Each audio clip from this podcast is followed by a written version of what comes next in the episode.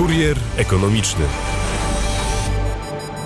Rozpoczynamy godzinę 12.34. Naszym gościem Maciej Wośko, redaktor naczelny Gazety Bankowej. Dzień dobry, panie redaktorze.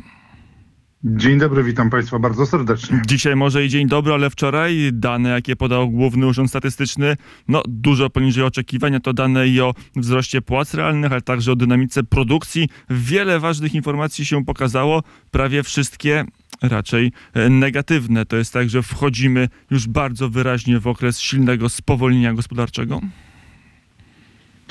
No wygląda na to, że pewne dane, przed którymi przestrzegał e, Narodowy Bank Polski czy Rada Polityki Pieniężnej, prezes e, Narodowego Banku Polskiego profesor Glapiński, zaczynają się powoli spełniać, czyli no, szykujemy się na spowolnienie, na wyhamowanie i ochłodzenie trochę tej rozpędzonej pokowidowo gospodarki.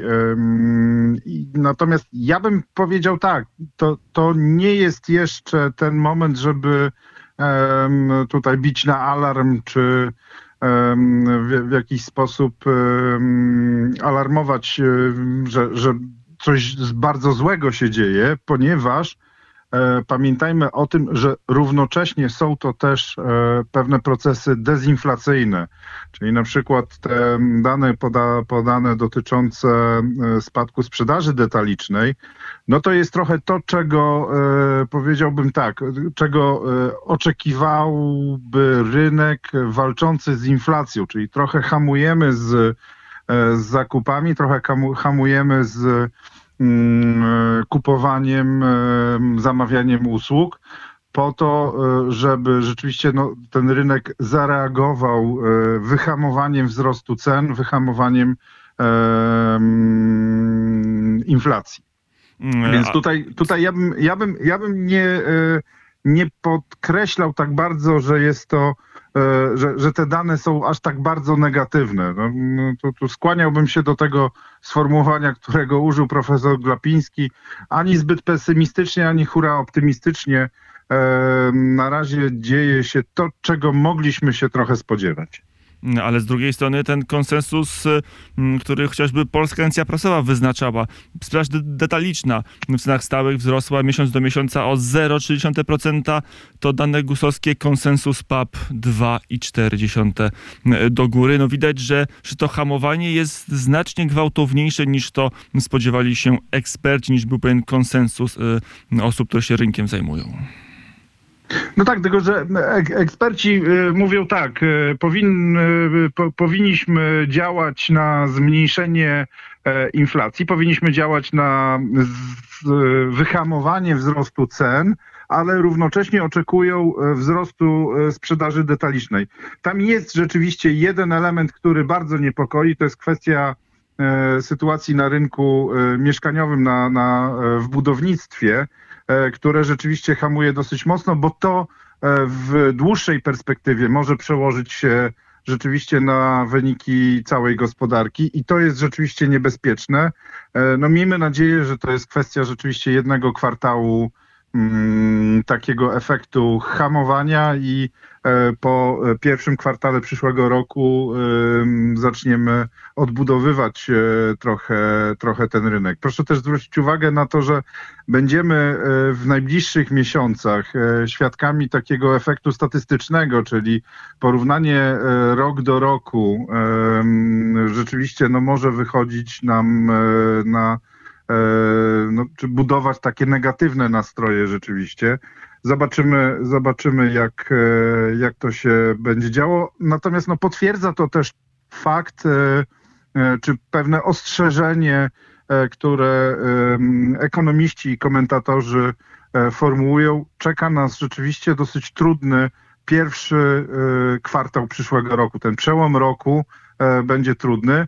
Przed nami święta, więc też choć słyszymy już, że z badań wynika, że na święta w tym roku chcemy przeznaczyć e, trochę mniej e, środków i e, te święta będą rzeczywiście trudne ze względu na choćby ceny energii, które i gazu, i surowców, które no, zaczynamy bardzo wyraźnie wszyscy odczuwać we, w, w domowych portfelach, to jednak mm, wydaje mi się, że jeszcze grudzień będzie E, będzie, zaskoczy nas e, pozytywnie, natomiast rzeczywiście styczeń, luty, marzec przyszłego roku to mogą być e, trudne miesiące, ale przestrzegałbym przed takim no takim zbytnim pesymizmem i e, odbieraniem wszystkich e, słabszych wyników bardzo negatywnie. E, to jeszcze jeden element, który chyba najbardziej dotyczy nas wszystkich z tych danych, które wpłynęły, e, czyli chyba najwyższy w historii. Jeśli się mylę, proszę mnie nie poprawić, ale ja nie pamiętam wyższego współczynnika realnego spadku e, siły nabywczej pensji. Jeżeli dobrze liczę, to jest przeszło 4%. To tyle wskaźnik inflacji przewyższa wskaźnik czy dynamikę wzrostu płac.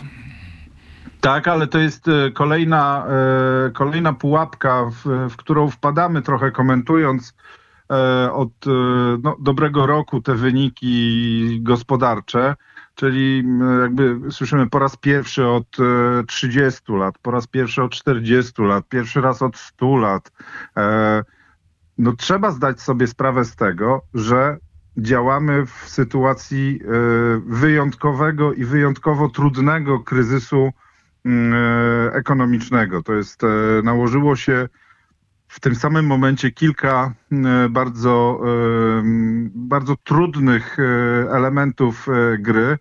Po pierwsze, wyjście czy wychodzenie z pandemicznego lockdownu, to, to, to odbudowywanie właściwie um, całego, całego rynku po, po lockdownie covidowym.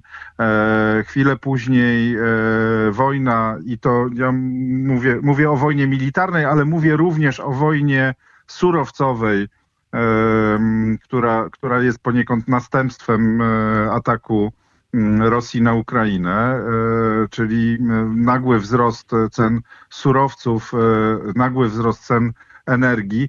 To są te elementy, e, które no, zawsze ważyły bardzo mocno na, na cenach. No i kolejny element to jest ta wysoka inflacja, z którą w tej chwili mierzy się cały, cały świat, ale tak jak mówię, te procesy dezinflacyjne, one wydają się być dość, e, dość optymistycznie, czy pozwalają dość optymistycznie prognozować, choć też, tak jak, tak jak mówię, nie przesadzałbym z tym optymizmem, że e, inflację mamy za sobą, bo nie, bo czeka nas jeszcze wysoka inflacja w, w grudniu, co spowodowane będzie pewnie między innymi e, świętami i tym naturalnym Ale potem e, też zwinie się e, tarcza popytu. antyinflacyjna, no i to też wywinduje wskaźniki, nie tylko wskaźniki, też koszty dla gospodarstw domowych w górę.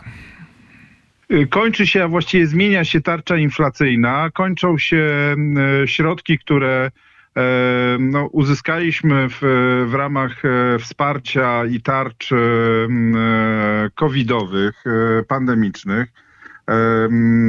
Generalnie, no, tak jak mówię, jesteśmy w, w takim momencie przełomu, on będzie rzeczywiście trudny i może się zdarzyć, że e, w portfelach bardzo wyraźnie odczujemy e, braki, spadki, mm, spadki realnych dochodów.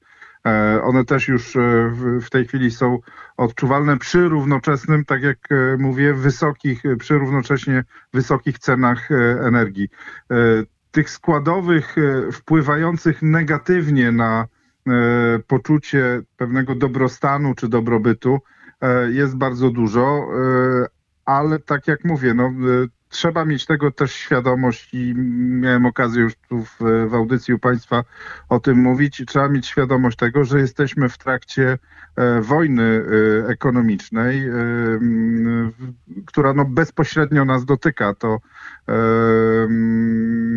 to będzie wymagało niestety pewnych oszczędności i no jednak zmiany, zmiany pewnych przyzwyczajeń, do których przywykliśmy w, ostatnim, w ostatnich latach.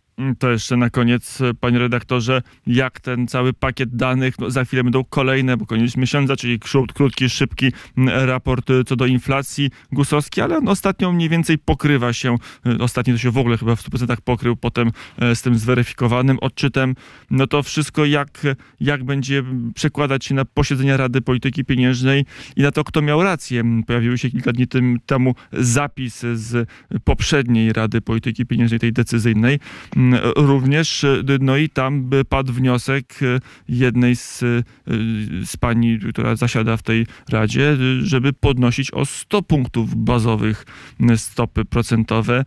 Jak rozumiem, ta polityka w tej chwili już jest nieaktualna.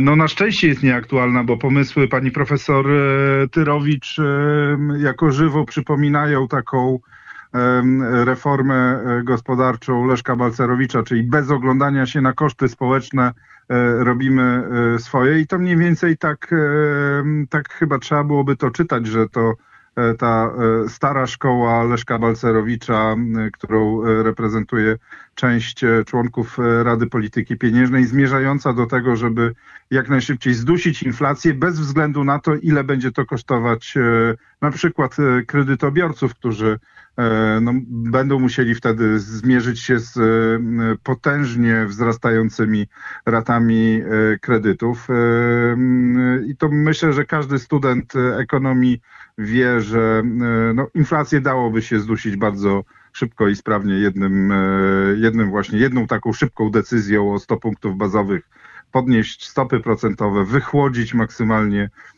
rynek. Natomiast, no, e, tak jak mówię, koszty społeczne tego byłyby e, potężne i te koszty spadłyby niestety na barki e, rządu. Wydaje mi się, że jest to też e, swego rodzaju gra e, części członków e, RPP. Jak na razie na horyzoncie, tak jak mówię, widać e, te e, procesy dezinflacyjne e, i wygląda na to, że może to e, spowodować e, dalsze decyzje e, Rady Polityki Pieniężnej hamujące podwyżki, e, pewnie jeszcze nie obniżające stopy procentowe, ale na pewno e, hamujące, bo wygląda na to, że rzeczywiście możemy się spodziewać, że e, to wychłodzenie spowoduje e, też e, niższą inflację w kolejnych kwartałach po pierwszym kwartale przyszłego roku. Mm, Powiedział Maciej Wośko, redaktor naczelny Gazety Bankowej. Dziękuję bardzo za rozmowę.